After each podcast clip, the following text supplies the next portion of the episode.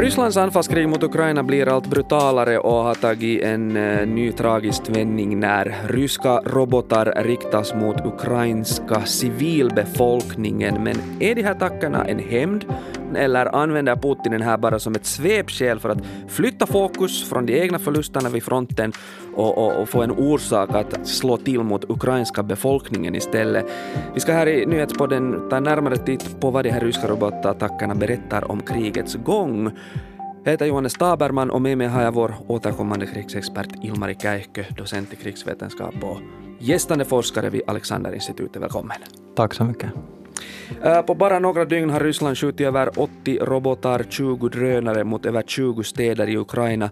Många av dem har träffat civila mål i bland annat Kiev och Lviv som ligger långt från fronten och som ju inte har blivit beskjutna på månader. Hur uppenbart är det att Ryssland nu på något sätt avsiktligt och rent av systematiskt riktar sig mot civilbefolkningen med sina attacker? Ja, men det är ju uppenbart och eh, den enkla förklaringen är ju att eh, kriget går dåligt för Ryssland just nu. De har svårt att påverka situationen på fronterna där de ryska styrkorna backar på flera håll. Och när de inte kan påverka den militära situationen så börjar de rikta allt fler attacker mot ukrainska civila. Och nu kritisk infrastruktur, det får vi inte glömma heller. Och eh, det här är inget nytt. Eh, Ryssland har haft en, en terrorstrategi även tidigare i kriget. Men just den här eh, intensiteten av den här attacken, det var något som vi inte riktigt sett sedan kriget började. Mm. Så det var kanske något nytt, men, men den stora bilden är fortfarande ungefär samma. Men är de här attackerna är det liksom ett tecken på styrka eller svaghet? Det är en utmärkt fråga. Putin han, han kritiseras ju i Ryssland av den här så kallade krigsoppositionen som kräver hårdare tag i kriget. De anser också att Ryssland håller på att, kanske om inte förlora så håller de inte på att vinna kriget. Så att det, det är väl den här kritiken som Putin nu försöker möta med den här attacken. Problemet är att eh, om man inte lyckas hålla upp sådana attacker så kommer den här kritiken blomstra upp igen. Mm. Um, sen kan vi också undra, är det här en bra strategi eller inte? Mm. Är det här något som, som kommer påverka kriget mycket? Det återstår att se, men om inte Ryssland nu lyckas fortsätta sådana här eh, attacker mer systematiskt så, så kommer nog påverkan bli begränsad. Och givetvis, eh, vi, vi kan tolka det här som en desperation, som, som en svaghet. Ja, kan man se det liksom som att, att Ryssland nu riktar sin terror mot civilbefolkningen för att de egna militära musklerna inte står i proportion till de imperialistiska ambitionerna helt enkelt. Absolut, och det har väl varit Rysslands största problem under hela kriget, att de politiska målsättningarna, de har varit alltför stora för, för de tillgängliga medlen. Mm. Och nu när det, när det kommer en ny eh, befälhavare för, för det här så kallade specialmilitära operationen, det blir svårt även för honom att lösa det här problemet. Han saknar medel för att uppnå Putins målsättningar. Så att man kan väl säga att eh, Rysslands strategi i kriget har väl ett fundamentalt problem. Mm. Som du var inne på, så man kan tolka de här eh, attackerna som, som en desperat handling från Ryssland, men som förstås får förödande följder för ukrainska folket. Men, men om vi tänker på de här robotattackerna, de har varit många och de blir kanske fler. Vi får se hur det här nu fortsätter. Men hur bra har de egentligen lyckats? Man kan väl säga att eh, de ryska attackerna mot ukrainska civila har väl haft egentligen en negativ effekt för, för, för Ryssland. Delvis eftersom den ukrainska stridsviljan har bara ökat. Mm. Ukrainarna har väl insett under det här kriget att även om krig är hemskt, så, så det är ett bättre alternativ än att ge upp. Vi har väl sett Butja, vi har sett hur läget ser ut eh, på de ockuperade områdena det är inget som de flesta ukrainarna vill ha. Så då är det bättre alternativ att, att fortsätta slåss. Eh, kanske viktigare för den strategiska nivån är också att eh, varje gång Ryssland gör något sånt här så ökar det stödet som, som Ukraina har fått. Och även i det här fallet så har eh, västmakterna igen lovat nytt stöd i form av eh, luftvärnssystem. Nu kommer de skickas eh, fortare Precis. eftersom behovet är ju uppenbart. Så att även här förlorar Ryssland. Ja. Hur bra klarar liksom det ukrainska luftvärnet nu i rådande läge att, att skydda sina städer mot de här robotattackerna? Ja, men givetvis inte tillräckligt bra, mm. men vi ska inte, inte glömma att man lyckades skjuta ner över hälften av de här Precis. missilerna och eh, majoriteten av, av eh, drönarna som, som Ryssland använde. Så att eh, det var ändå riktigt bra. Mm. Hur länge kan ens liksom Ryssland fortsätta med den här strategin som man då verkar ha inlett, att bomba städer och civila mål med drönare och missiler. Kan de ta slut, liksom, de här robotarna, om man fortsätter i samma grymma takt? Ja, det här är en nyckelfråga och det finns analytiker som säger att eh, Ryssland saknar förmåga att fortsätta sådana här systematiska attacker, till exempel mot ukrainsk infrastruktur. Eh, det kräver ju precisionsstyrda missiler mm. och eh, de kommer att ta slut förr eller senare om man nu fortsätter använda dem i mängder. Eh, sanktionerna biter ju mot eh, rysk eh, försvarsindustri, så det, det, blir nog svårare för dem att tillverka nya system. Men samtidigt har de rätt mycket gamla. Om man kan rikta terror mot, mot till exempel infrastruktur, vilket då kan ha en strategisk effekt nu till exempel under vintern. Eh, det återstår att se, det, det, vet vi inte helt enkelt. Och det är därför intressant att nu se vad som händer idag, vad som händer under den närmaste veckan. Kommer Ryssland fortsätta sådana här attacker eller inte? Det finns många som inte tror på det, mm. men, men det återstår att se. Ja, frågan blir ju liksom att slösar Ryssland bort sina bästa precisionsvapen på civila mål? Och i så fall låter det ju inte kanske som en hemskt smart strategi, eller? Ja och nej. Något måste Putin göra av rena inhemska politiska skäl. Samtidigt eh, försöker nu man terrorisera eh, ukrainarna att, eh, att ge upp. Sån här terror det kan ju ha en effekt för Ryssland i kriget om till exempel de här frontlinjerna blir mer stillastående. Mm då så småningom kan, kan stödet till kriget eh, i Ukraina börja gå ner, om, om inte Ukraina kan ändra sakerna på, på slagfälten. Men vi är inte i det läget än mm. och det är därför eh, känner jag att, eh, att attacken de, de kommer nog inte ha någon positiv effekt för Ryssland. Inte just nu i alla fall. Mm. De, de här robotattackerna inträffar ju efter då bombattacken mot Krim bron. Putin själv säger att det här attacken är en hämnd för det. Han kallar den attacken mot den här Krimbron som, som en terrorattack.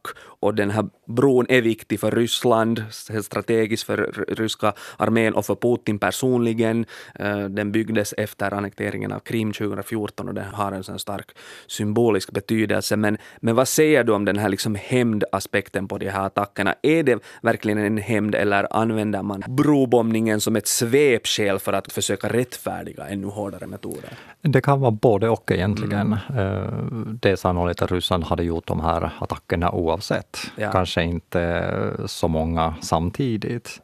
Men som sagt, det finns det här inrikespolitiska aspekten också, att Putin så fort som han anklagade Ukraina för det här, då var det väl tydligt att något svar måste komma. Och det här var ju svaret. Mm. Putin kallade bron för, för en civil infrastruktur det är inte det, utan eh, det här är ju militär infrastruktur i meningen att eh, Ryssland försörjer ju sina styrkor på Krim och eh, södra Ukraina, Mekeshbron. Så att det mm. hade varit oerhört viktigt för, för den ukrainska militären och Ukraina att kapa det här järnvägsförbindelsen. Det hade haft stora logistiska effekter för, för Rysslands krigföring. Ja, om vi tänker på den där stora bilden, liksom nu att, att hur mycket svårare blir det för den rent trängda ryska armén att klara sig nu utan den här bron? Ja, nu har det blivit något svårare, mm. men som sagt om man hade lyckats förstöra hela bron, eller i synnerhet den här järnvägsbron, mm. så då hade det blivit riktigt mycket svårare för Ryssland. Den ukrainska militären har ju pratat om att anfalla den här bron under en längre tidsperiod, så det var inte särskilt överraskande då att, att den här attacken skedde. Men att man lyckades göra det, det är ju en politisk förnedring för Putin personligen. Uh, symboliskt är ju bron viktigt eftersom den binder ju den annekterade Krimhalvön till, till Ryssland. Mm. Utan bro är den här kopplingen, den blir rent konkret mycket svagare. Men riskerar inte Ukraina samtidigt att betala ett högt pris för den här lyckade precisionsattacken? Absolut, men som sagt eh, från Ukrains perspektiv, eh, de här attackerna hade skett oavsett. Precis. Och det, det, är väl så, det, kanske inte bara en gång utan under en längre tid. Uh, trots att just den här bron har en stor symbolisk och strategisk betydelse så, så måste man också komma ihåg att de här nu ryska robotattackerna man måste kanske se dem ur ett lite större perspektiv, alltså att som en reaktion på Ukrainas framgångar vid fronten och, och, och Rysslands motgångar. Håller kriget nu på att gå in i en liksom ny fasansfull fas, eller försöker Putin bara få oss att frukta att kriget gör det genom att skrämma upp civilbefolkningen i Ukraina och samtidigt också omvärlden? Ja, men det är väl vad, vad terror syftar på, mm. att uh, avskräcka, att, uh, att uh, skrämma ukrainarna, att tvinga dem att ge upp.